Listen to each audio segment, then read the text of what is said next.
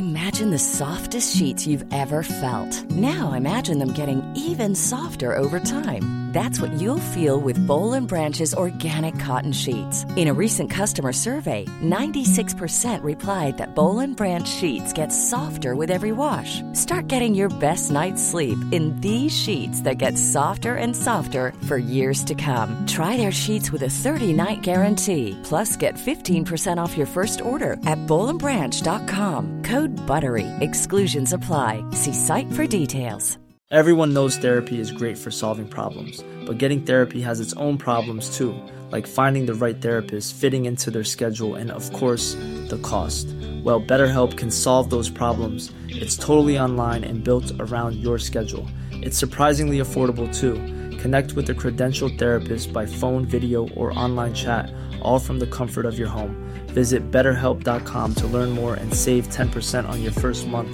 That's BetterHelp, H E L P. When you're ready to pop the question, the last thing you want to do is second guess the ring. At Bluenile.com, you can design a one of a kind ring with the ease and convenience of shopping online. Choose your diamond and setting. When you find the one, you'll get it delivered right to your door. Go to Bluenile.com and use promo code LISTEN to get $50 off your purchase of $500 or more. That's code LISTEN at Bluenile.com for $50 off your purchase. Bluenile.com code LISTEN.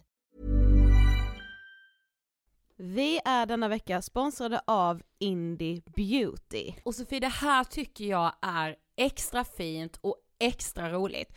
Ja men Indie Beauty är ju ett skönhetsvarumärke som jag tror att väldigt många känner till, men det jag älskar mest det är att Indie Beauty liksom vill vara mer än bara produkter, vilket de ju också är. Exakt, Indie Beauty står ju för Independent Beauty, skönhet på dina villkor och för din egen skull.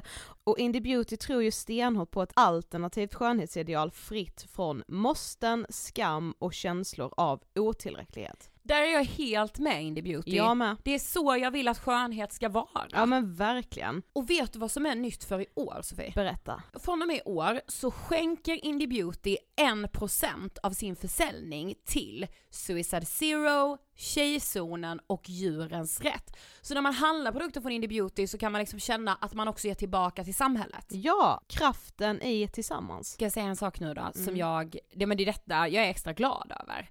Nu har Indie Beauty tagit fram en keps och den tycker jag ändå så på sommaren, skyddar sig från solen, Jättebra, jag älskar kepsen. men det bästa, de bidrar till Suicide Zeros viktiga arbete för att minska antalet självmord och självmordsförsök. Så för varje såld keps så går hela vinsten, 100 kronor, direkt till Suicide Zero. Då kan man liksom göra nytta både för samhället och sin hud på en och samma gång. Ja, och kepsen kostar 169 men alltså hela vinsten går då som sagt till Suicide Zero. Så om man vill göra skillnad när man är där ute i solen, nu när den börjar titta fram, då ska man välja den här kepsen. Den säljs exklusivt på indiebeauty.se och på Apotea. Tillsammans kan vi skapa en ljusare framtid. Vi ses med kepsarna på! Tack Indie Beauty.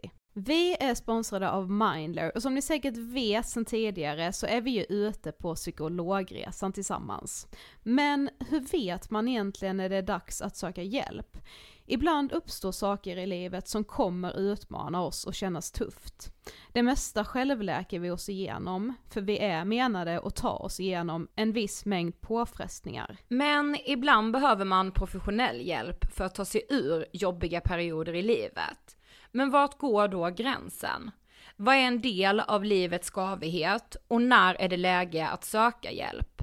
Det sägs till exempel att stress är farligt, men att det också kan vara bra. Alla sover dåligt ibland, så när har man egentligen sömnproblem? Ångesten kommer väl krypande för de flesta någon gång. Så när ska man se ångesten som outhärdlig? Hur vet jag? Med oss som psykolog har vi såklart min gamla psykolog Linnea Seidbrant. Men Linnea, vad är egentligen utmattningssyndrom? Utmattningssyndrom är en konsekvens av svår och långvarig stress utan möjlighet till återhämtning. Vi är ju då skapta för att klara av stress, men vi behöver också återhämtning. Om du utsätts för för mycket stress under en lång period utan att du får till den nödvändiga återhämtningen så kommer kroppen till slut att säga ifrån. Och det är faktiskt så att alla har en gräns. Du kan drabbas av en rad fysiska eller psykiska besvär som trötthet, sömnproblem, hjärtklappning, besvär från magen och tarmarna och mycket annat. Och det här är ju då varningssignaler och tecken på att du kan behöva göra någonting åt din situation. Annars så kan besvären utvecklas till att du mår så dåligt på sikt att du blir psykiskt och fysiskt utmattad. Ladda ner Mindler till din telefon och läs mer på mindler.se.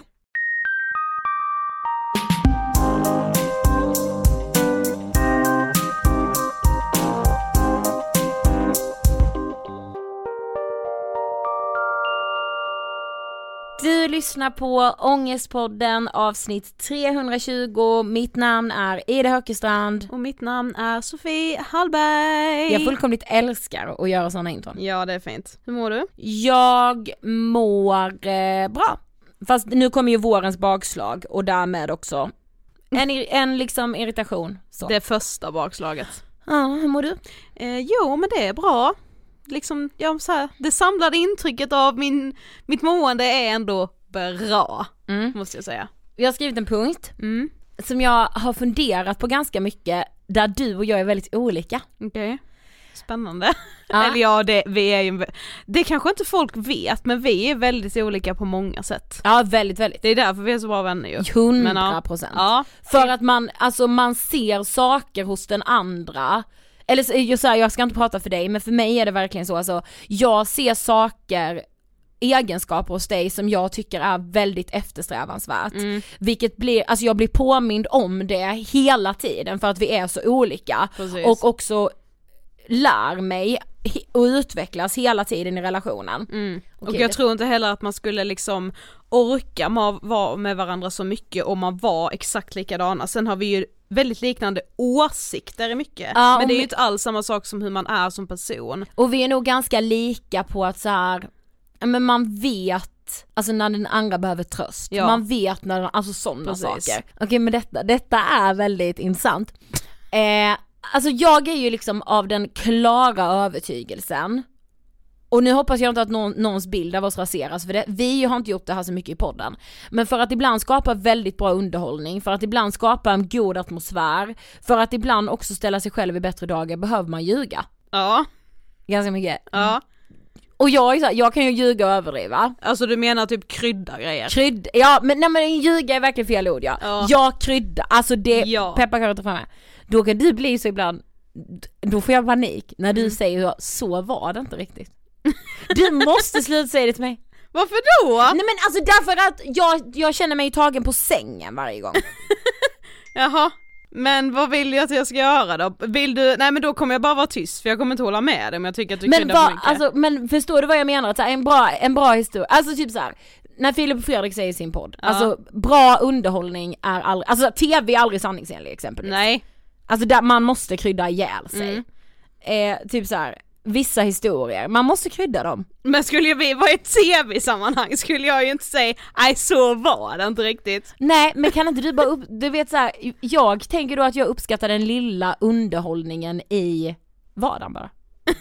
Att jag då kryddar ihjäl någonting liksom. Ja men vadå, men i vilket sammanhang när du har gjort det i underhållande syfte har jag typ skjutit ner det? nej, men, nej men det är som att du också i det här, alltså det är som att du har ett så rättspatos i att så, det här är inte helt Ska sant. vara rätt. Ja kanske lite så, ja. Alltså, så, nej men Ida, Men det Nej. är också, nej men det är Men det är ju för att jag också har själv så svårt att krydda saker för att där är det ju mitt bluffsyndrom ju. just det. Alltså, Ja. jag hatar kryddet. Alltså det, för det är så, Men varför gör för då du blir det? det bara, då blir det ju bara så då är det ju sant, då är jag ju en bluff. Då är jag ju inte ens äkta när jag berättar om det själv. Alltså då, Men kryddar inte alla? jo säkert. Men tror du Men inte... det, det tror ju inte jag. Men alltså, kan inte du bli trygg? Jag kan ju bli kry... Try... krydd, jag kan ju bli krydd. Jag kan, kan ju bli trygg av att krydda. Alltså jag blir ju trygg i att säga shit, den här historien flyger så jävla mycket bättre nu när jag har kryddat den. Den är nästan för bra för att vara sann. Ja men det kan ju inte, det behöver inte bara vara historia, det kan ju vara så här att man berättar saker om liksom, ja men sitt företagande ja eller då blir hur... jag ju mycket mer trygg i det. Men du vet ju att du ljuger. Ja men ljuger gör jag ju inte. du själv som sa det nyss! Men okej, när har jag ljugit typ om vårt företagande? Nu blir jag tagen på sängen för jag kan inte komma på sånt rent... Men kanske, ja men jag kan nog vara så, Ja men så här, om vi har föreläst två gånger på en vecka så kan du säga till någon, vi har föreläst varje dag den här veckan. exakt. ja precis, det Ja. skulle jag aldrig kunna göra. Men det säger jag ju inte i ett sammanhang så här, och jag sitter med mina nära vänner för att historien ska vara bra. Nej. Det säger jag i ett sammanhang där så här, de här behöver vi imponera på. Ja. För att det är ett jobbsammanhang. Precis. Vi har föreläst varje dag den här veckan. Ja. Men det var det Ish. ett exempel. Ja, det, är, det är ett väldigt bra exempel. Det är bara ett räkneexempel. Ja men du vet, alltså jag blir ju så arg då för att jag så bara, ah! Ja. Historien måste vara bra. Ja. Ibland tycker jag historien framför allt. Framför sanningen då. Ja. Ja. I är vi. de sammanhangen, inte så här, åh nu ska jag berätta den här dokumentära berättelsen, då kan man ju såklart inte krydda. Nej, Eh, så här, Uppdrag granskning, krydda varje avsnitt. nej det är Nej man alltså i de sammanhangen, men sådana, ja. Mm. Ja. Jag, jag vet att jag verkligen har funderat på detta senaste Ja. veckan. Där är vi olika. Ja. Vi är denna vecka sponsrade av Mendley. Och den här veckan så ville vi ju faktiskt prata lite med Mendlys grundare. Yes, så vi bjöd hit Sebastian. Sebastian, hej! Hej! Nu ska du få berätta, vad är grunden till Mendley och liksom varför startades Mendley? Ja, men jag startade Mendley för jag såg att det fanns ett behov. Ett behov hos unga människor som inte fick hjälp, inte fick den hjälpen de behövde på sitt sätt. Jag är själv terapeut och eh, det var när jag hade mina egna patienter som jag testade på att ha chattterapi med några patienter och fick otroligt bra resultat. Det som jag kände först kanske skulle vara en liten utmaning och, en, eh, ett problem i distansen vart tvärtom en möjlighet. Här fick ju kanske Rasmus, 21 år, som aldrig har pratat om sina tankar eller känslor med någon, möjlighet att på sina villkor kommunicera med mig som terapeut. Han kunde sitta hemma på sitt pojkrum eller vart han nu befann sig och inte behöva titta en, an, en annan främmande människa i ögonen och öppna upp som sina innersta tankar och känslor. Det gav den här närheten och jag fick otroligt bra resultat som sagt och jag blev väldigt eh, taggad på att se vad, kan, vad kunde man göra mer av det här. Tittade runt omkring i, i, i Sverige och i världen och försökte förstå om det var någon annan som hade anammat det här konceptet med, med chattterapi och eh, det fanns ingen i Sverige men jag såg att det fanns i USA och där var det jättestort. Men hade du hört talas om chattterapi innan du testade det här på dina egna patienter? Eller hur kom du ens på den idén? Nej, jag hade inte hört talas om det. Nej. Men eh, det var ju så att en del patienter hörde av sig ändå till mig mellan sessionerna. Man är ju van som terapeut att man har tidsbokade sessioner med sin patient en gång i veckan av 45 minuter. Men unga människor funkar ju inte riktigt på det sättet. Man är mer on demand så att säga. Man vill ha saker och ting nu på en gång hela tiden. Vare sig det är musik eller film eller vad det än må vara för någonting. Eller Så, terapi? eller terapi, precis. Så att de levde ju efter det sättet att tänka, även med mig. Och till en början så vart jag lite tagen på sängen och kände så här, men det här går ju inte, vi måste ju prata bara under de här 45 minuterna. Men så började jag ifrågasätta det och tänka så här, men varför inte? Om nu Erik här är liksom 27 år, eh, har ett behov en torsdagkväll och prata om sina känslor för att han har varit ett uppslitande bråk med sin flickvän eller någonting sånt där.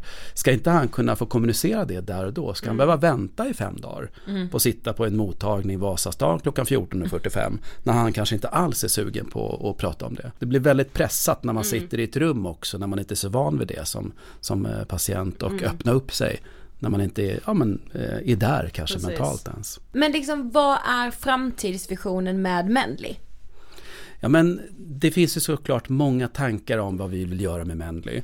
Eh, framför allt så vill vi vara ett företag som står på barrikaderna. Och det är det vi vill göra tillsammans med sådana som er till exempel och andra samarbetspartner som vi ser passar oss perfekt i den kampen att göra tillsammans med. Så att våran vision och kanske framförallt mission det är att få de som annars inte hade sökt hjälp att våga söka hjälp. Och att göra det både i Sverige men också utomlands. Vi ser att stigmat här i Sverige kring terapi är ganska högt. Men det är tyvärr ingenting i jämförelse med om man, ser, man tittar ut i världen. Så att vi har ju planer på att ganska, inom en ganska snar framtid ta det här konceptet utomlands. Och att eh, göra det här möjligt i många länder. Världen över kanske en vacker dag, who knows. Och på tal om räkneexempel, Ja, snygg ingång eller hur? ja. Vi ska idag prata om ekonomiångest. Gud, ni är så många som önskar detta från och till i vår DM. Eh, och vi, nej men vi, vi relaterar ju också, för vem har inte haft ångest över sin ekonomi? Ja, och bara på tal om så här bluffsyndromet som vi också var inne på lite här nu i vårt härliga intro, så det är verkligen någonting som jag har insett att jag har plockat med mig mitt bluffsyndrom in även ner i plånboken så att Ja. säga. Ja. För jag, där har jag så mycket bluffsyndrom. Eh, Och jag kommer ihåg när vi gästade en annan ekonomipodd, eh, där vi också pratade om det här, och de var såhär, "Vad- vadå det är ingen som har råd med allt det här, det är lån och det är det, och jag bara så, jag, jag får inte ihop, alltså jag fattar inte ekonomi, jag kan inte det. Vi har bjudit hit Tjocka Årman. Yes. Nej men, en så färgstark, underbar kvinna. Nej men det var girl power på en ny nivå vill jag säga. Hon är ekonom. Yes. Vet du vad hon också gör Sofie? Hon utbildar i ekonomisk självkänsla. Och det är lite det vi ska ta fasta på idag. Verkligen, för är det något man behöver så är det fan bättre självkänsla kring sin ekonomi. Men alltså, vi lever ju liksom just nu också i de skakiga tiderna i form av en pandemi och Tjocka skrev ju till oss att ny statistik visar en ökning av skuldsanering för unga. Jag menar alltså, vi unga drabbas enormt hårt av den här pandemin. Man känner oro kring sin ekonomi, bostadsmarknaden, många av de jobb som kanske är så en extrainkomst Ja, typ försvinner. samtidigt som man pluggar så har man, Exakt. ja. De försvinner och första vägen in i arbetslivet finns liksom inte kvar under pandemin nästan. Nej. Alltså att få den här arbetslivserfarenheten. Eh, så därför känns det här avsnittet enormt passande. Mm, verkligen. Vi rullar intervjun med Tjocka Årman. Varsågoda! Hej Shoka och varmt välkommen till Ångestpodden! Tack, kul att vara här. Ja men jättekul att äntligen ha det här, vi har ju försökt styra ihop det här rätt länge nu. Ja. Men jag är faktiskt väldigt taggad på att vi också ska prata ekonomi i Ångestpodden. Just för att det känns som att väldigt många har ångest kring det. ja det kommer ju bli ekonomiångest. Ja. Eller så lär vi oss hur vi ska hantera vår ekonomi så att Ja. vi inte har Exakt. ångest. Exakt! Exakt, exakt. Men du ska få berätta för de som inte vet, vem är du? Mitt namn är Shoka Årman, precis så som du sa. Eh, och jag har egentligen större delen av mitt vuxna liv, eh, ja, men nästan snart 20 år, eh, arbetat med privatekonomiska frågor i någon form. Ja. Eh, först på en av våra storbanker och nu som sparekonom på SPP, ett pensionsbolag. Ehm, Jag har också skrivit eh, två böcker om beteendeekonomi, börspsykologi och sparande. Eh, Och mm, ja, men, föreläser en del och försöker egentligen folkbilda och få fler att inte ha ångest över sin ekonomi. Eller liksom hitta lösningar på hur tar jag mig ur en jobbig ekonomisk situation? Ja. Hur ska jag tänka i relationer kring ekonomi och så vidare. Mm. Viktigt. Men jag tycker du är så bra, alltså när man följer dig på Instagram, du gör det så lättförståeligt. Precis, kommunikation är ju allt. Mm. Eh, och det språk vi använder, det är klart att information, det har ju aldrig varit större tillgänglighet på information än vad det är idag. Trots det ser ju vi, precis som ni nämner där, eh, en ekonomisk ångest hos både vuxna och unga. Så att det handlar kanske i större utsträckning om hur vi kommunicerar, vilka uttryck vi använder oss av, men också i vilka forum vi syns. Eh, så att jag liksom tänker så här, men jag hijackar Instagram lite granna, eh, där det egentligen har varit ett forum för kanske, ni vet det här lite härliga med kläder, mode, inredning och då kan jag tycka att det, det ena måste inte utesluta det andra, Nej. utan det vore väl trevligt om någon gång då och då i flödet att man möter en sån som mig som faktiskt säger nu är det dags att pensionsspara eller Mm, pratar om sparande. Mm. Ja och att man liksom får lära sig att prata om ekonomi på ett hoppfullt sätt. Alltså för att om man väl har satt sig i en jobbig situation så tror jag det är många, inklusive mig själv, som känner så att det blir liksom för svårt att reda ut det så man skjuter på att lösa problemet. Absolut, uppskjuta beteendet följer oss extremt mycket i sånt som också för hjärnan och för oss själva upplevs som komplext. Ja, oavsett ja. om man är liksom i en utsatt och tråkig situation eller inte. Mm. Det är klart att även en sån som jag hellre kanske sitter och vad vet jag, slösurfar eller dricker ett glas vin med en väninna istället för att sätta mig och gå igenom min pensionsportfölj. Ja. Men det man inte får glömma av och det som jag egentligen försöker förmedla kring ekonomi, visst finns det de som har liksom det här problematiska i ekonomin och faktiskt råkat hamna fel, mm. eh, men ekonomi och pengar, det är faktiskt en väg till det positiva, möjligheter, trygghet, frihet. Och det är därför vi behöver prata om ekonomi och pengar ur en annan vinkel för att skapa det här, liksom att vi förstår att men hörru, det är inte bara tråkigt eller du måste inte vara duktig på matte inte för Nej. att förstå ekonomi. Nej, eh, ekonomi är i min värld i alla fall i lika stor grad siffror och grafer som det är faktiskt psykologi och beteenden. Ja. Mm.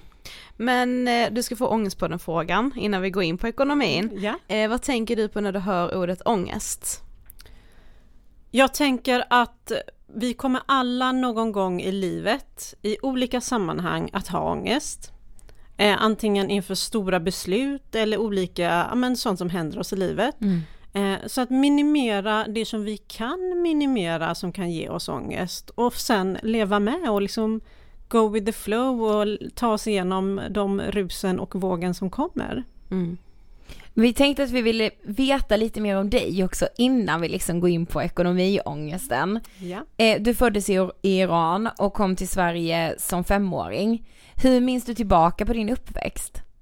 Jag har inte så jättemycket minnen eh, sådär eh, utan jag tror att det är snarare mina föräldrar som skulle kunna liksom mer... Men jag har haft en eh, vanlig, vanlig svensk uppväxt kan jag inte säga, men till, jo men i allra stora, största grad faktiskt svensk uppväxt. Så jag brukar mm. säga det att det är nu som vuxen och som när jag själv har två barn som jag börjar någonstans förstå förmånen att eh, växa upp här i Sverige med liksom hela svenska kulturen, mm. men också ha föräldrar som har liksom klokskap att eh, ta det bästa ur båda världar. Ja. Eh, att jag tror att man blir eh, som individ mycket mer öppen och liksom få lite axplock av det bästa av två olika världar. Så det är jag ju extremt tacksam över såklart. Mm. Men hur väcktes då ditt intresse för ekonomi? För du har ju varit ekonomiintresserad väldigt länge. Väldigt, väldigt länge. Jag vet inte egentligen hur intresserad jag var från start men jag har ju haft ett lättillgängligt och det är också det det handlar om. Att vi i tidig skede börjar liksom lite grann intressera oss, inte att det ska bli ens värld och existens, men att man börjar förstå lite granna hur funkar det ena eller det andra. Vad är ränta? Vad är inflation? Ja. Hur påverkas min ekonomi av att det händer någonting i omvärlden? Hur tar jag ett bolån och hur sparar jag till min handpenning? Alla de delarna. Eh, jag började tidigt att få lite, lite pengar att spara och placera på börsen.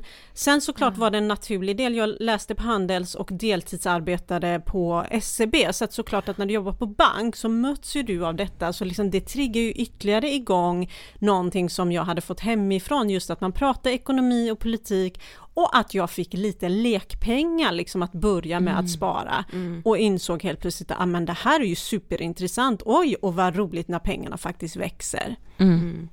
Ja, väldigt spännande.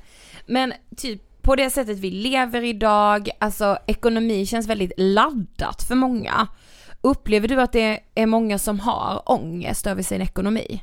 Absolut, när man tittar på forskning så ser man ju att främst unga, eh, om man tittar på liksom de mellan 18 och 20, att många av dem har eh, ekonomisk ångest. Eh, vi ser också att fler unga hamnar hos Kronofogden, alltså att vi inte kan hantera våra skulder. Eh, och delvis är det inte, det är liksom vanliga räkningar, det är, det är liksom inte heller bara att skuldsättningen har ökat utan vi hamnar hos Kronofogden, jag vet inte om det är brist på kunskap om att man kan skriva, avskriva sig skulder eller vad det beror mhm, på. Mm. Men man ser en ökning där. Och jag kan också se en, en ångestproblematik även hos vuxna, alltså de som har eh, liksom bra ekonomier, bra inkomster och så vidare, som fortfarande kan känna ångest. Och jag tror att ångesten kring ekonomi till stor del handlar om att vi inte har kontroll. Mm. Vi har ingen upp uppfattning. Hur lever du i din relation? Har ni delad ekonomi eller inte? Eh, eller som jag fick frågan igår kväll, ja men min man tjänar två gånger mer än mig eller sambo då. Eh, hur ska vi fördela våra utgifter? Är det, är det procentuellt eller hur gör alla andra? Mm. Och såklart, jag pratar ju pensioner hela dagarna eh, och tittar man där så ser man också hos alltså den äldre publiken och de som börjar närma sig pensionsåldern att det även finns en ångestproblematik där kring oh. hur kommer mitt liv att bli som pensionär? Eh, och det är klart att det finns ju desto mer information vi har, desto mer insatta vi blir i saker och ting, desto mer kan vi få känslan av att vi har makt och kontroll. Mm. Och då tror jag för de flesta att ångesten minskar. Mm. Ja verkligen. Ja, hundra procent så. Men vi läste också på Kronofogdens hemsida att det är många, framförallt unga idag, som ansöker om skuldsanering men att de då blir nekade för att de liksom inte har rätt till det, de har liksom inte satt sig så mycket i skiten mm. kanske som de själva tror. Kan det vara, alltså vad tror du det beror på att man har en känsla av att man har sämre ekonomi än vad man har eller varför tror du att det är så? Jag tror delvis att bristen från start handlar om att vi inte har tillräckligt med kunskap med oss in i liksom vuxenlivet. Och det är så sorgligt att höra att folk startar liksom hela det här vuxna livet med skulder mm. och där på toppen på allt och de söker hjälp och så är de inte tillräckligt skuldsatta för att få hjälp. Mm. Eh, där tycker jag ändå, jag är ju förälder själv och där tycker jag såklart, man pratar ofta om skolan, men både skolan, samhället och egentligen det som jag gör mycket i folkbildning och det som jag även från mina, min nuvarande arbetsgivare får tid till, vilket är att vara ute och prata de här sakerna, ja. gör ju också att vi stärker kunskapen kring att eh, ja, men vikten att börja spara i tid eller vad, vad, vilken effekt har det när du tar eh, en kredit på liksom räntenivåer som är 20-30% Det är klart att du blir skuldsatt kvickare än du ens hunnit blinka. Mm. För vad? För någonting som var så attraktivt här och nu. För att dina vänner hade det eller för att eh, du vill ha senaste mobiltelefonen eller vad det nu kan vara. Eh, jag försöker ofta visualisera det är svårt att kunna som en ung individ förstå kanske vad saker och ting kommer att kosta dig i längden och hur problematiken kan starta. För oftast blir problematiken också att du köper någonting på avbetalning och sen så har du inte råd att betala, då kanske man börjar använda kreditkortet eller ta ytterligare lån och så hamnar man eh, där. Men mycket handlar om kunskap men också beteenden. Mm. Ja, för jag tänker det, om allt fler unga hamnar hos Kronofogden det är såklart väl, alltså det finns ju såklart väldigt många olika anledningar. Men jag tänker att ja men sättet vi liksom rör oss digitalt idag, vi ständigt liksom är uppkopplade och kan jämföra oss med alla andras framgångsrika liv då som det kanske är i våra mm. ögon. Tror du också det är en stor anledning till att så många Absolut, helt ja. övertygad om det. Vi har ju liksom hela Eh, ni vet, vi lämnar ju spår efter oss också i sociala medier och så vidare och, och i hur vi liksom rör oss i den digitala världen och det är klart att Um, du får ju reklam och liksom eh, mm. förslag utifrån det så att vi liksom vi är mer utsatta idag ur det perspektivet också.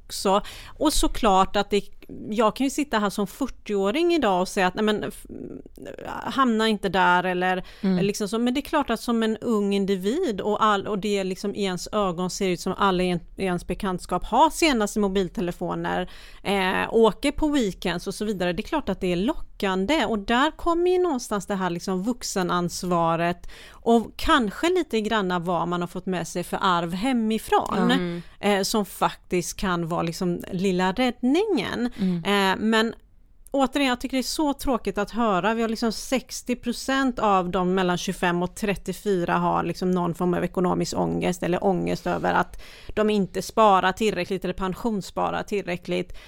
Um, och som sagt siffran är relativt högt även för de som är lite äldre. Ja. Men mycket av det är ju sammankopplat. Vi behöver ju ha med oss den rätta kunskapen och förhoppningsvis få så goda förutsättningar vi kan få liksom för att starta ett vuxenliv. Mm. Men för några veckor sedan så spelade vi in ett avsnitt om FOMO, alltså mm. fear of missing out. Hur stor roll tror du att just fear, alltså känslan av att missa saker har i den ekonomiska ångesten? Jag tror att den är ganska stor, för det är precis det det handlar om. Ehm, delvis det här med liksom uppskjuta beteendet, vi vill inte ta tag i saker och ting. Eh, och det gäller även vuxna och som sagt det står längre framåt i tiden vi pratar om någonting, säg då pensionssparandet eller långsiktiga sparandet. Det är klart att det är lättare liksom att skjuta upp och ignorera det. Jag börjar nästa månad. Aha, det, är, lite det är lite så. samma som med typ träning. Ja, men Alltså, så precis. bara, ja men nästa månad kör jag Ja, igång Ja. sparandet. Ja men så är det mycket när jag pratar beteendeekonomi handlar ju precis om detta, liksom att vi har brist på självdisciplin. Och min tanke när jag pratar ekonomi och pengar, det är verkligen inte att ge folk ångest eller att liksom verka duktig själv på något sätt, utan vi gör alla de misstagen och vi gör dem gång på gång på gång. Eh, och jag brukar prata någonstans när jag pratar liksom aktier och börsen så säger jag, men vi gör alla våra förluster, vi ska bara minimera dem Ja. så mycket vi kan. Och det är likadant med de här misstagen och återkommande liksom, irrationella beteenden som att vi skjuter upp saker och ting eller som att vi är, vi hoppar på för både erbjudanden eh, som vi får eh, för att vi är rädda för att gå miste om någonting. Det finns en psykologi bakom detta. Så vi vill liksom någonstans där också göra de misstagen så få gånger som möjligt för de misstagen gör ju vi alla. Eh, det är klart att när jag sitter med min telefon i handen och jag får ett erbjudande om att ah, men det är 20% rabatt här Ja. eller eh, limited edition eller det ena eller det andra. Det finns ju en tanke, det finns ju en psykologi bakom detta, ett beteendemönster som man kan använda för att få oss att liksom nudga oss åt fel riktning. Jag pratar ju om beteendeekonomi och nudging Både som du sa där med träning är ju ett, också ett typiskt sånt, eller att äta, mer hälsosamt. Vi pratar ju jättemycket om de här delarna. På måndag börjar jag, nästa månad, efter lunch och så vidare och så vidare. Jag har liksom som mål själv att men jag ska inte äta någon bulle eller springa ner och köpa något vid trefikat. Jag älskar sånt, ändå gör jag det varje dag klockan tre. Men om jag har nötter liggandes på mitt skrivbord så kanske sannolikheten minskar. Eh, och det är klart att om vi stänger av våra notice på våra mobiltelefoner där det ploppar upp erbjudanden från våra favoritbutiker och märken så Exakt. kanske det minskar också. Eh, likväl som när man liksom nudgar för good, alltså puffar oss åt en viss riktning för att vi ska göra mer av det vi vill, till exempel cykla istället för att ta bussen eller ta trapporna istället för hissen, så kan ju vi själva använda de här mekanismerna som faktiskt används inom reklam och marknadsföring åt andra hållet Ja, för att liksom lite rädda oss själva eller stötta oss själva i detta. Jag tycker också att det är en bra inställning bara till livet i stort, att så här vi alla gör misstag och du kommer inte gå igenom livet utan misstagen men du kan ändå försöka göra så att de blir så få som möjligt. Absolut. Det är väl liksom en jättebra inställning till allt egentligen. Ja, och göra så många liksom, för någonstans där tror jag också problematiken är både när vi pratar träning, jag är ju löptränare en del själv eh, och likadant det här med att komma igång med sitt sparande. Jag tror att vi går liksom all in. Antingen Mm. gör vi ingenting och när vi väl tar tag i saker och ting så ska det liksom tas till någon extremfall. Ja. Och då är, det, då är det liksom lättare att fallera och inte orka tillräckligt länge. Och har vi på toppen på allt inga mål, eh, om jag inte har en halvmara att träna till, ja men det är klart att det blir mycket svårare för mig själv att motivera mig varför jag ska ut och springa Ja. i regn och skur 13-15 kilometer när jag knappt har tid liksom till det. Eh, Medan har jag ett mål eller när det kommer till sparandet vet jag att jag ska spara till handpenning på en bostadsrätt. Det är min största dröm kommande åren. Jag delar upp det i delmål, jag visualiserar det, Ja. jag ser hur mina vänner kommer dit och hälsar på. Jag har redan vissa områden och adressen jag tittar på. Det är klart att motivationen och liksom att drivkraften kan bli enklare att hålla kvar. Och sen liksom räkna baklänges, okej vad kan jag idag i min ekonomi avstå istället för att bara, nej men jag ska leva på existensminimum, jag ska snåla ihjäl mig och så lyckas man i två veckor. Ja, precis. Eh, istället för att liksom säga, vad kan jag kapa på som egentligen inte gör någon jättestor skillnad eh, och som faktiskt blir långsiktigt hållbart. För det är det ja. det handlar om liksom. Gud det är så intressant. Eh, för jag vet det spreds typ förra veckan en artikel om, eh, jag tror det var att Lyxfällan skulle dra igång igen, men en ung tjej som, hon hade åkt taxi från Falun till Stockholm och hon hade liksom belånat sig så mycket för för henne var det så viktigt att bara upprätthålla ett lyxigt liv. Och för mig var det så här, som en väckarklocka i att gud det är ju det vi som unga blir matade med idag. Tänk att vi går över alla gränser för att få upprätthålla det. Det känns så tragiskt på något sätt. Jo, och men- så här, det är inte för att hon är dum eller en helt galen människa, det är för att hon inte mår bra liksom. Mm. Men jag brukar slås av det när jag kollar på, ja men till exempel då Lyxfällan.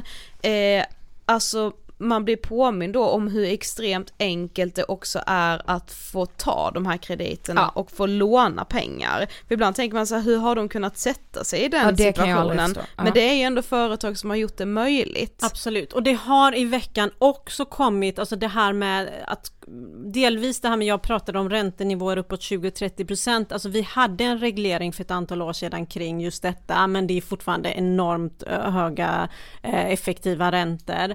Eh, samma sak det här med delbetalningar, jag har ju varit en av de som starkt gått ut och debatterat kring det här med att vi ska inte ha delbetalningar som defaultalternativ när du klickar igenom en varukorg och ska lämna.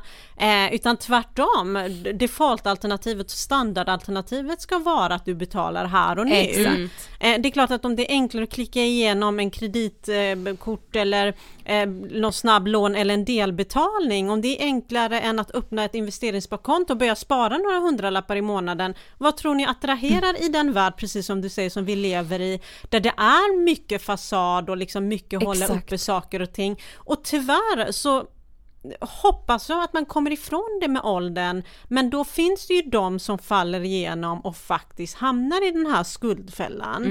Ehm, och det är som sagt sorgligt. Men vi tänkte också på det att så här, precis som du var inne på innan, att idag får vi ju väldigt lite kunskap om ekonomi från exempelvis skolan, också kanske hemifrån, att många inte pratar om det. Alltså vad innebär det egentligen att ha en betalningsanmärkning? En betalningsanmärkning, jag har ju ändå jobbat på bank i många år och jag menar i ett svenskt samhälle som vi har idag, en betalningsanmärkning påverkar ju ja, men, i princip allt du ska göra, om du ska ta ett bolån, om du ska ta ett kreditkort och så vidare, så att det är väldigt allvarligt skulle jag säga. Eh, sen vet inte jag längre exakt hur många år de ligger där, men Nej. eh, det är klart att det förstör ju rätt många möjligheter som du behöver ha som ung vuxen. Eh, så det är viktigt att känna till också, vi pratar liksom det här med, ja men folk hör av sig till Kronofogden och så har de inte tillräckligt med skulder eh, för att kunna få hjälp. Eh, men någonstans är det Hey, I'm Ryan Reynolds. At Mint Mobile, we like to do the opposite of what Big Wireless does. They charge you a lot, we charge you a little. So naturally, when they announced they'd be raising their prices due to inflation, we decided to deflate our prices due to not hating you. That's right. We're cutting the price of Mint Unlimited from $30 a month to just $15 a month. Give it a try at mintmobile.com slash switch. $45 upfront for three months plus taxes and fees. Promo rate for new customers for limited time. Unlimited more than 40 gigabytes per month. Slows. Full terms at mintmobile.com. Everyone knows therapy is great for solving problems, but getting therapy has its own problems too, like finding the right therapist, fitting into their schedule, and of course, the cost. Well, BetterHelp can solve those problems. It's totally online and built around your schedule. It's surprisingly affordable too. Connect with a credentialed therapist by phone, video, or online chat, all from the comfort of your home. Visit betterhelp.com to learn more and save 10% on your first month. That's BetterHelp, H E L P. Hiring for your small business? If you're not looking for professionals on LinkedIn, you're looking in the wrong place. That's like looking for your car keys in a fish tank. LinkedIn helps you hire professionals you can't find anywhere else, even those who aren't actively searching for a new job but might be open to the perfect role. In a given month, over 70% of LinkedIn users don't even visit other leading job sites. So start looking in the right place. With LinkedIn, you can hire professionals like a professional. Post your free job on linkedin.com/people slash people today. Också så här att vi, vi kanske lever någonstans i en mm, trygg mm, värld av att ja, men man skriver bara av skulden eller den försvinner bara och så funkar det tyvärr inte. Nej vi pratade om det men för vi tycker det var lite intressant för det känns liksom så här, jag vill inte klanka ner på vår egna generation men det känns lite som att så här, ja men vi tänker att det finns ett skyddsnät för allt. Och så här, bara, ja men ja nu har jag satt mig i skiten men jag kan bara skuldsanera mig så är det någon annan som löser det lite. Men så enkelt är det ju inte och det är ju viktigt att ta med sig liksom. Ja och jag tycker någonstans så här också när vi pratar och jag kan ju liksom vara rätt hård när jag liksom försöker säga nej kom igen nu och nu kör vi och liksom sådär. Eh, och min tanke är, och precis som du säger här, jag är lite besviken på min generation, det är klart att min generation gjorde också misstag och generationen innan, för jag har ju ändå mött liksom hela spektrat i rätt många år i princip ja. dagligen i olika rådgivningssituationer. Ja men din generation kanske är snabbare på just att man drivs av sociala medier och fear of missing out, alltså vi vill inte gå miste om saker, där- därför hoppar vi på allting. Men så har vi min generation där gifta kvinnor kanske inte tar de rätta juridiska besluten och vid en separation eller samboliv faktiskt också hamnar fel. Och så har vi männen som jag träffar som har alldeles för låg risknivå i sin pensionsportfölj inte förstår vikten av att ta de rätta risken i långsiktigt sparande. Så att egentligen så tycker jag att vi ska liksom någonstans prata om information snarare än bli liksom åh vad besviken jag blir. Ja. Ehm, utan liksom försöka, precis som vi gör i alla neutrala forum och där man ändå kan liksom ge någon form av hopp, Mm. försöka skapa information. För jag tror att om du någonstans gång på gång på gång för din generation förklarar att hörni, det här med ränta på ränta effekten som vi pratar om när jag visar en kurva där jag visar dig vad din 500-lapp blir efter 10 år eh, och vilken positiv liksom, sammanhang det handlar om. Den går faktiskt åt andra hållet också när du lånar pengar.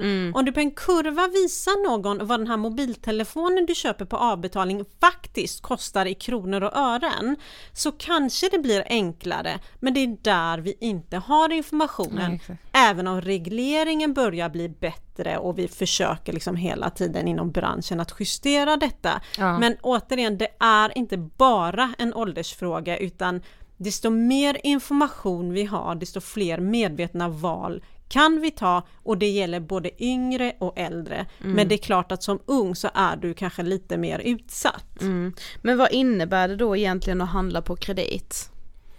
Nej men handla på kredit innebär ju egentligen att du bara skjuter upp problematiken.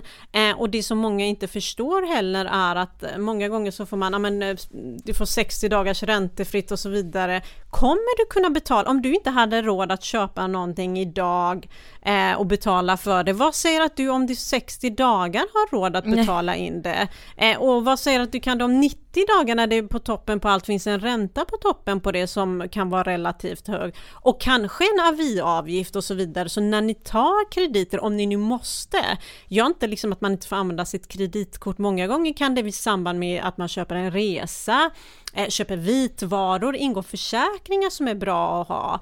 Eh, men att använda sin kreditkort eller att köpa, ta krediter, kolla på det som kallas för effektiv ränta så ser du din totala kostnad för i den kan det ingå aviavgifter, uppläggningsavgift och så vidare och så vidare. Sånt som gör att det blir mycket dyrare än vad du har tänkt dig.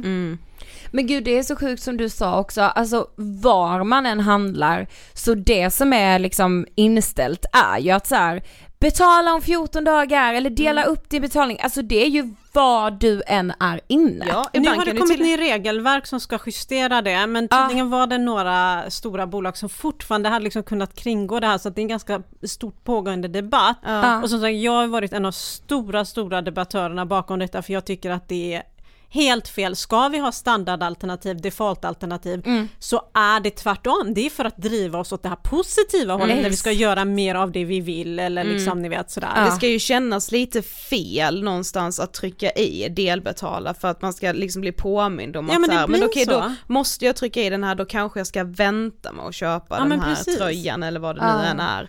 Så man tänker att man ska Ja men jag är ju expert på det själv. Jag kan ju också liksom sitta där trött och lite så här, ah, eh, och, och scrolla igenom och lägga i blus efter blus i min varukorg och så Ah. liksom fortsätter jag där. Och så tänker jag så här, men låt det ligga där eh, och så ser du hur du känner imorgon. Alltså majoriteten av tiden liksom, i den stressade vardag man lever också, jag har ju liksom majoriteten av tiden glömt av det där. eh, Så ja. att någonstans handlar det också om att vi kanske ska ge oss några dagar att eh, reflektera över, men ska vi ja, verkligen göra det här köpet? Eller när vi hoppar på liksom så här, ja men ska du med på den här grejen, vi är ett gäng som ska åka iväg. Ja, det är klart att jag är ju också en sån här som älskar att göra saker, framförallt upplevelser och vi hoppar på allt man lever en gång och vi ska njuta och hej och hå liksom. Men, ja men tio djupa andetag. Har jag verkligen råd? Vad har jag för planer kommande tiden Mm. utöver detta? Men fine, om du har varit duktig nog och har liksom ett spontankonto eller ett buffertkonto som gör att du kan göra en sån grej, bara spontant åka på weekend med dina kompisar, fine, gör det. Men om det handlar helt plötsligt om att ta en kredit eller ta ett lån, nej men då kanske du inte ska göra det just nu. Mm. Det kommer fler chanser. Det kommer fler chanser. Ja. Ja, eh, men en ny SIFO-undersökning visar att framförallt ungdomar har fått en ökad ekonomisk ångest av coronapandemin. Precis. Vad Ehm, tänker du kring det? Nej men jag läste också den 41% av unga mellan Ja. 18 och 34 känner oro över, sin pande- eller över pandemin och det vi går igenom idag.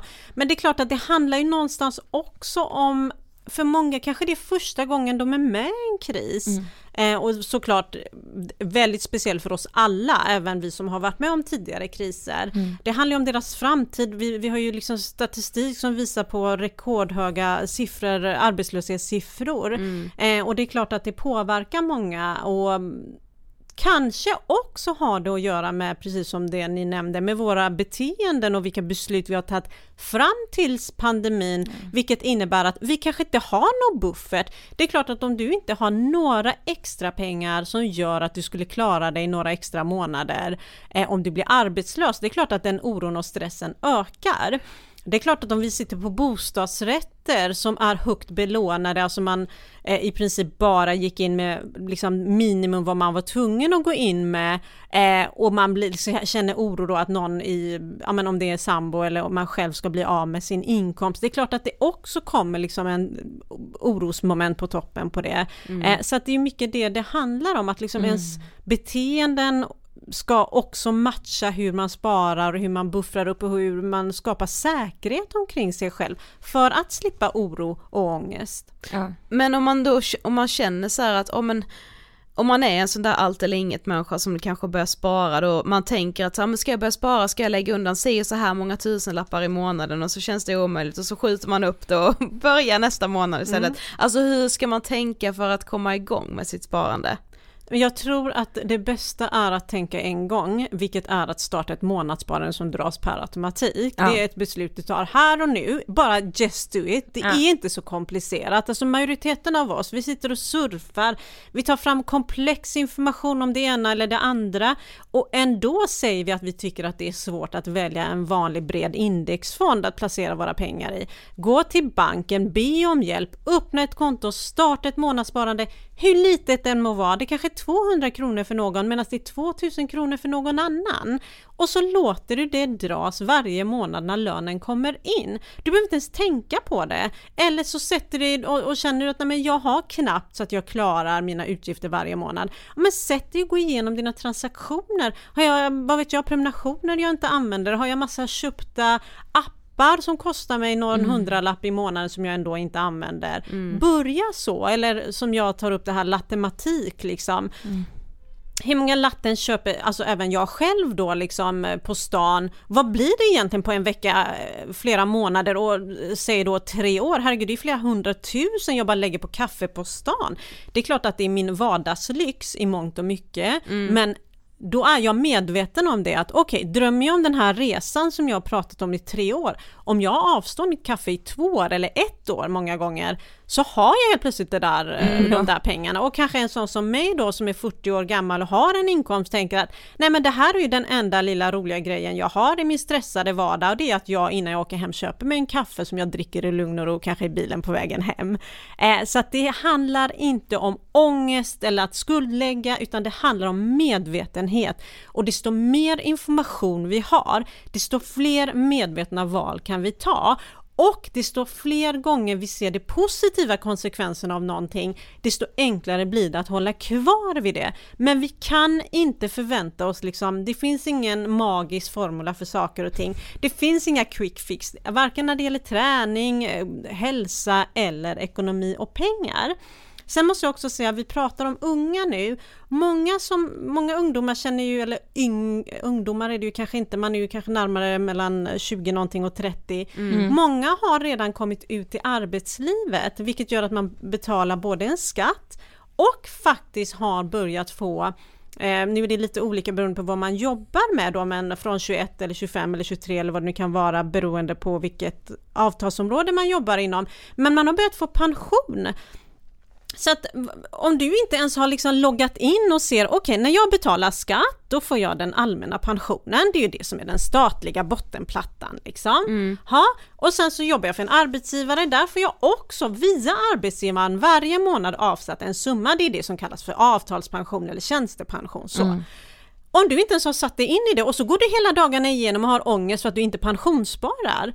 Det är väl bättre man skaffar sig så mycket information man också kan få innan man börjar ha ångest för saker och ting. mm. eh, så att liksom, det är också en sån här, de pengarna finns där, du har dem så fort du börjar betala skatt, du får dem via arbetsgivaren majoriteten av tiden, eh, så fort du uppnår en viss ålder, som sagt lite beroende på vad man jobbar inom.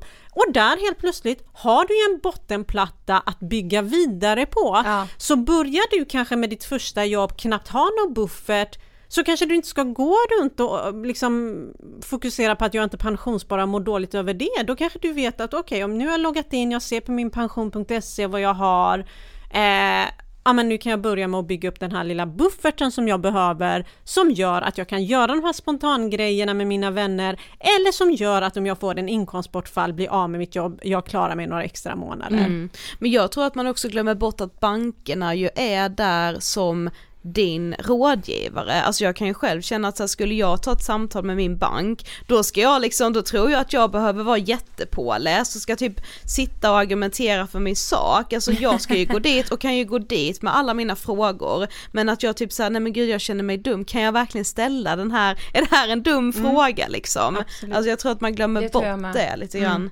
Absolut, och det någonstans är det ju det vi ska göra, alltså vi, jag frågar ju jättebanala och basic frågor om saker jag inte kan. Eh, för att information och den kunskapen ger ju dig makt och för varje gång du har ställt de där dumma frågorna som är dumma i ens egna värld, eh, mm. jag tror inte att någon på banken tycker det, eh, så liksom stärks man ju också i det, för det är ju det det handlar om. Den här ekonomiska självkänslan. Vi vet liksom också någonstans att kvinnor är rätt duktiga på det här med hushålla med pengar, mm. men så avstår de det här klivet att faktiskt börja placera sina pengar och mm. investera dem. Det handlar ju om självkänslan, eh, att man liksom inte riktigt vågar tro på sig själv. Men jag menar, det är klart att du kan tro på dig själv, du kan ju välja bland massa komplicerade saker varje dag på nätet och läsa på. Det är klart att du kan göra det när det kommer till hur du ska spara dina pengar och investera dem också. Ja, exakt! Verkligen. Och sen pratar ju vi om eran generation och vi liksom hela er, den här nya generationen som faktiskt, delvis kommer ni arbeta lite annorlunda kanske än vad min generation har gjort. Vilket gör också att ni får en större frihet, för det är det ni liksom önskar. Nu generaliserar ju vi mm. jättemycket här. Mm. Eh, men också att ni kanske delvis får en viss sårbarhet i era ekonomier som uh. vi som faktiskt liksom var anställda, jobba år efter år på samma plats, fick som sagt, äh, hade betalade skatt så vi fick mm. pensionen, hade en arbetsgivare som betalade det som är arbetsgivarens del att betala in eh, och det kanske inte ni kommer att ha för ni kanske deltidsarbetar på ett helt annat sätt, ni mm. kanske tar sabbatsår på ett helt annat sätt och liksom prioriterar en större balans mellan privatliv och arbetsliv och så vidare. Eh, många har en strävan på ett helt annat sätt. Vi pratar mycket om det här men fasaden utåt och det mm. ska vara så, men jag upplever också att den generationen efterfrågar mer hållbara beteenden och ja, hållbara precis. val. Mm. Eh, och det är klart, där har vi en annan spektra i det, hela cirkulärekonomin, hela det här med att ah, men jag lånar en klänning av dig om jag ska på en fest som ja, jag bara ska använda en gång istället för att jag springer och köper något ja. varje fredag bara för att det är en after work eller jag ska iväg på någonting. Mm. Ja, men om jag bara använder min bil eh, då och då, ja men vi kanske ska dela eller ha en mm. pool eller vad det nu kan vara, bilpool som vi kan använda oss av istället. Eller om du som många unga ändå har en strävan och efterfrågar hållbarhet och liksom att man ska kunna påverka själv ja men 50% av kapitalet som finns på börsen idag är pensionspengar. Genom att du sätter dig och gör ett val med pengar som redan finns där, dina pensionspengar, så kan du faktiskt påverka. Så visst, att gå och panta dina flaskor i all ära, men där har vi en annan kraft och en annan eh, förmåga att påverka på helt annan nivå ja, mm. genom att till exempel investera i hållbara fonder och så vidare. Eh, så att jag vill ändå höja den nya generationen ur det perspektivet, Ja, man har en strävan Mm. efter någonting Precis. annat. Mm. Ja, det, gud det är så sant. Men du skrev till oss också om en sak som är så intressant, nämligen money anxiety disorder. Precis. Vad är det för någonting? Nej men där är ju liksom inte den här vanliga ångesten, det, är ju liksom, det används ju mycket mer i USA, måste också tillägga att i USA har man ju inte samma skyddsnät som Nej. vi har Nej. här. Eh, Man har, det liksom, man har inte pensionssystemet, man har inte sjukvården på samma sätt som Nej. vi har och så vidare. Så det är klart liksom, och där är det mycket du liksom oftast anställer någon eller liksom betalar för någon som ska ge dig liksom financial advisor och ni vet sådär. Ja. Eh, Så att där finns det en annan nivå, men det finns faktiskt de som liksom har en ångest som är liksom bortom den som vi andra upplever eh, stundtals. Och det är att man liksom någonstans sparar ihjäl sig åt andra hållet eller kan, kan aldrig slappna av i någon form av konsumtion eh, eller liksom det blir, det blir nästan ett hinder i ens vardag och i ens liv. Eh, så att det, det finns ju liksom extremer åt andra hållet också. Det kan ju, jag har ju träffat någon gång själv eh, individer som liksom suttit med i princip ett obetalt eh, belånat eh, eller betalt hus och helt obelånade har fasta inkomster och ändå kan knappt unna sig liksom ett par nya jeans eh, och konstant har sträck, skräck och oro för sin ekonomi. Eh, och det kanske snarare handlar om vad vi har för erfarenheter i ryggen Ja. och att det kanske beror på annat, att vi inte kan kontrollera andra saker och då blir det här det vi kan kontrollera. Det kan också ha att göra med ens uppväxt, att man kommer från en familj till exempel där man levde extremt knapert så att nu när man själv ändå har möjligheten att kunna leva mer normalt och eh, kanske unna sig eller bara liksom basic hålla innanför ramarna eh, så blir det en ångestproblematik där man Ja. hela tiden vänder och vrider på varenda krona. Mm, men hur ska man komma ifrån den ångesten då? För det är ju det är liksom viktigt att också faktiskt kunna unna sig eller liksom kunna köpa ett par nya jeans om man faktiskt behöver det. Ja men absolut och det är det som jag, där kommer vi fram till det här som vi pratade om tidigare, just det här med extremerna åt alla håll. Ja. Eh, och jag tror att desto där, när, när vi pratar den, då är det liksom på en helt annan nivå såklart, så att det kan ju kräva liksom att man får hjälp på annat håll. Ja, terapi liksom. Ja men precis, men det som det också handlar om är att desto fler eh, liksom verktyg vi har, desto mer vi kan visualisera saker och ting. Eh, det är klart att om du loggar in och verkligen liksom försöker förstå, men jag har en buffert, delar upp det, hur många månader klarar jag mig om jag skulle bli arbetslös? Vad är värsta scenariot som kan hända om jag inte kan? Och så vidare och så vidare. Att man hela tiden försöker förtydliga för sig själv och liksom sina ramar. Eh, och också sätter av en summa kanske varje månad. Det här är vad jag har att röra mig med. Trots att jag kanske spenderar hela den summan så har jag min trygghet, jag har en buffert, jag har ett obelånat hus, det är ingen som kommer tvinga mig utifrån det. Jag har pengar ifall det skulle hända någonting, jag behöver renovera och så vidare och så vidare. Eh, så att kunskap och planering och visualisering ger oss mindre ångest och väldigt mycket makt. Ja. Men vad skulle du säga är viktigast att tänka på kring sin privatekonomi? Viktigast är ju egentligen balans och det är ju egentligen lite det vi pratar om. Eh, För att det är ju det det handlar om. Hur mycket får jag in och hur mycket rinner ut? Där har vi liksom första, det är ju som ett bolag du driver. Det ska ju liksom intäkterna och utgifterna ska matcha varandra annars så går det ju konkurs. Ja. Ehm, och sen tror jag ändå väldigt mycket och hur liksom hur mycket vi än kan tjata om det det är faktiskt inte värt att köpa vissa saker, varken på delbetalning eller på kredit. Att man försöker avstå det i så hög grad man bara kan. Men också leva sin, liksom enligt sina villkor, inte påverkas så mycket av det här som vi pratar om just med sociala medier, pressen, erbjudanden som kommer. Stäng av allt sånt. Du, om du nu vet att du ska till din favoritaffär och köpa din, eh, vad vet jag, höstjacka, ja, men då är det väl bättre du loggar in då och ser om det finns en 20% i rabatt där och då. Ja. Eh, istället för att det liksom kommer erbjudande på erbjudande dag in och dag ut som faktiskt förr eller senare så faller vi ju för det. Det är ju mänskligt. Ja, exakt. Ehm, sen så är ju ekonomin så många delar. Ekonomin är ju också juridiken, alltså att vi tänker hur lever jag? Lever jag som sambo? Vem står på våran lägenhet? Mm. Har jag betalat in? Kom- Fick jag ett arv som jag använde för att köpa den här bostadsrätten tillsammans med min sambo med? Ja, men gick jag in med mer kapital än honom? Finns det handlingar som visar detta den dagen vi ska gå skilda vägar? Det är också sånt så att man liksom inte startar sitt vuxna liv med en sån grej där man helt plötsligt har gått in med kapital som man blir av med sen när man ska liksom separera och sälja av en lägenhet. Eh, mycket är också beteende och psykologi som vi pratar om, eller psykonomi som jag kallar det för. Försök, desto mer vi känner till våra tillkortakommanden, det här liksom irrationella beteendet och att vi faktiskt värderar allt som sker här och nu som viktigast. Därav att det är svårt att liksom motivera en 25-åring, i och för sig likväl en 45 och 50-åring att pensionsspara. Det handlar ju hela tiden om att förstå liksom vikten av att hela tiden inte prioritera nuet utan att förstå att jag behöver ge avkall från vissa saker idag för att jag ska ha det bra om 5 år, Ja. 15 år, 25 år och 35 år. Nej men jag tror att skaffa information lika mycket tid och jag tror inte på liksom ute, utesluta någonting. Lika mycket tid du lägger på att läsa på vad du nu har för intresse, om det är träning, eh, smink, vad det nu kan vara. Lägg 20% av det på att bli insatt i din ekonomi. Idag, det har aldrig, vi pratar om att informationsflödet har aldrig varit större. Ja. Eh, Vi har aldrig blivit så utsatta just i den eh, liksom bemärkelsen att vi får specialanpassade erbjudanden och så vidare och liksom digital nudges som Ja. jag kallar det för. Men det har aldrig varit enklare att hålla koll på sin ekonomi.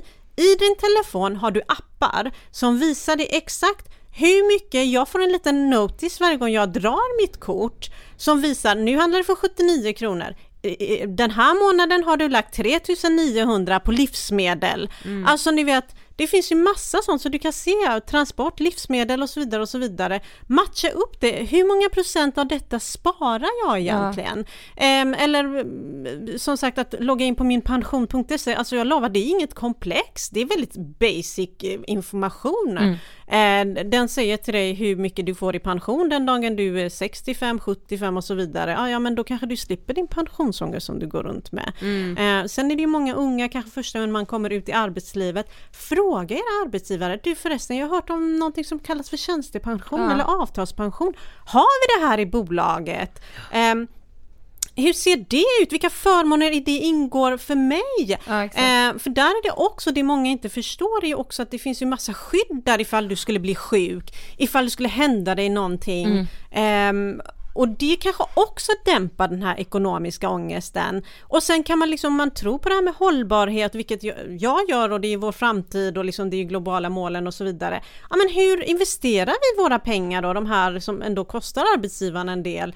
Att man använder sånt och, och om företaget inte har det, förhandla till er det som en extra lön då så att du själv i sin tur Ja. kan avsätta de här pengarna. Precis. Eh, Så att sådana här, det här är basic information. Du behöver inte vara insatt. Du behöver bara kunna den här meningen och ställa den den dagen du sitter på en arbetsintervju. Exakt. Är du redan anställd, det är ett mejl ifrån din HR-avdelning eller vad det nu kan vara.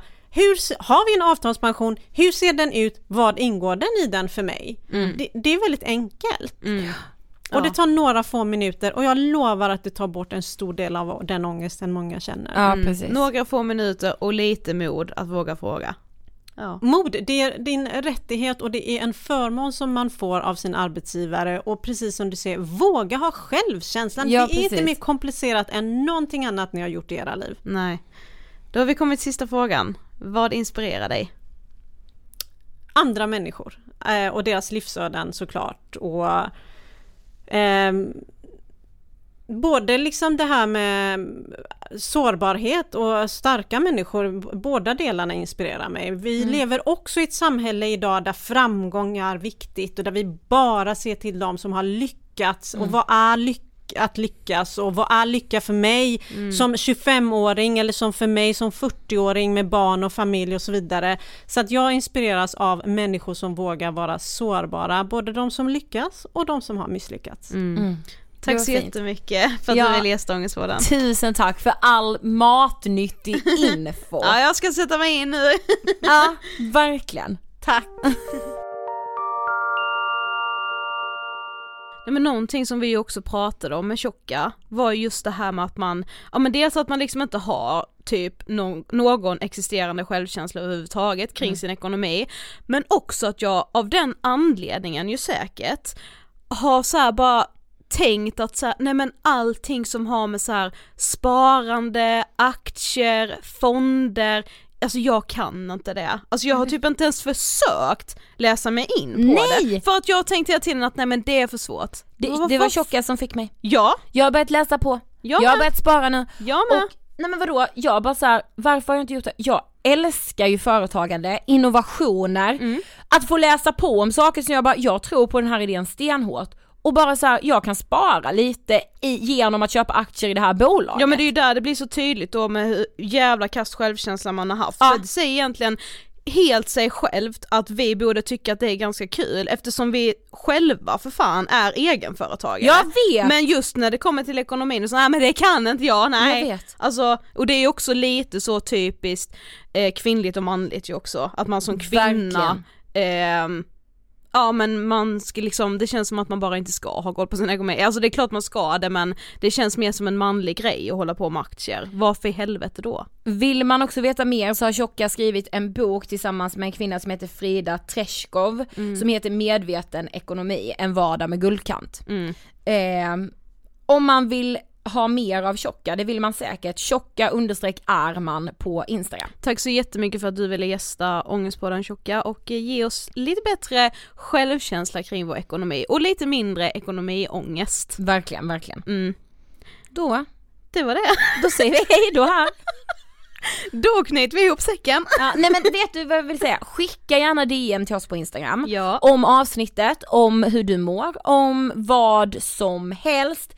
Det går också bra att um, mejla angespodden at ingetfilter.se om man föredrar det. Och på Instagram heter vi ju alltså bara Angestpodden, rätt och slätt. Mm. Ja, det var det. Mm. Ha det gött! Hej då gänget! Hej då!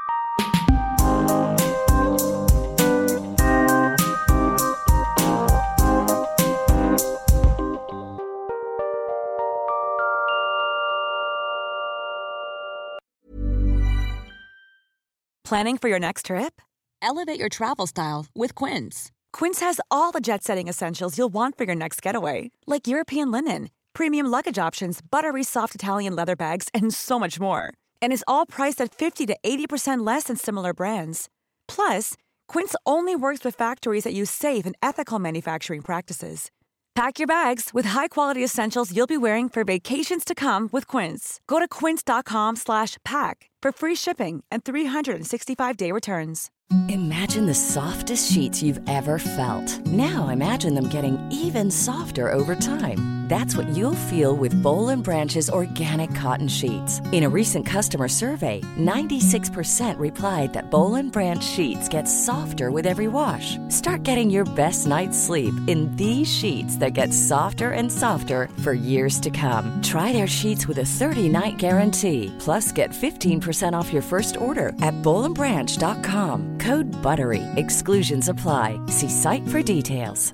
Mom deserves the best, and there's no better place to shop for Mother's Day than Whole Foods Market. They're your destination for unbeatable savings, from premium gifts to show-stopping flowers and irresistible desserts. Start by saving 33% with Prime on all body care and candles. Then get a 15-stem bunch of tulips for just $9.99 each with Prime. Round out Mom's menu with festive rosé, irresistible berry chantilly cake, and more special treats. Come celebrate Mother's Day at Whole Foods Market.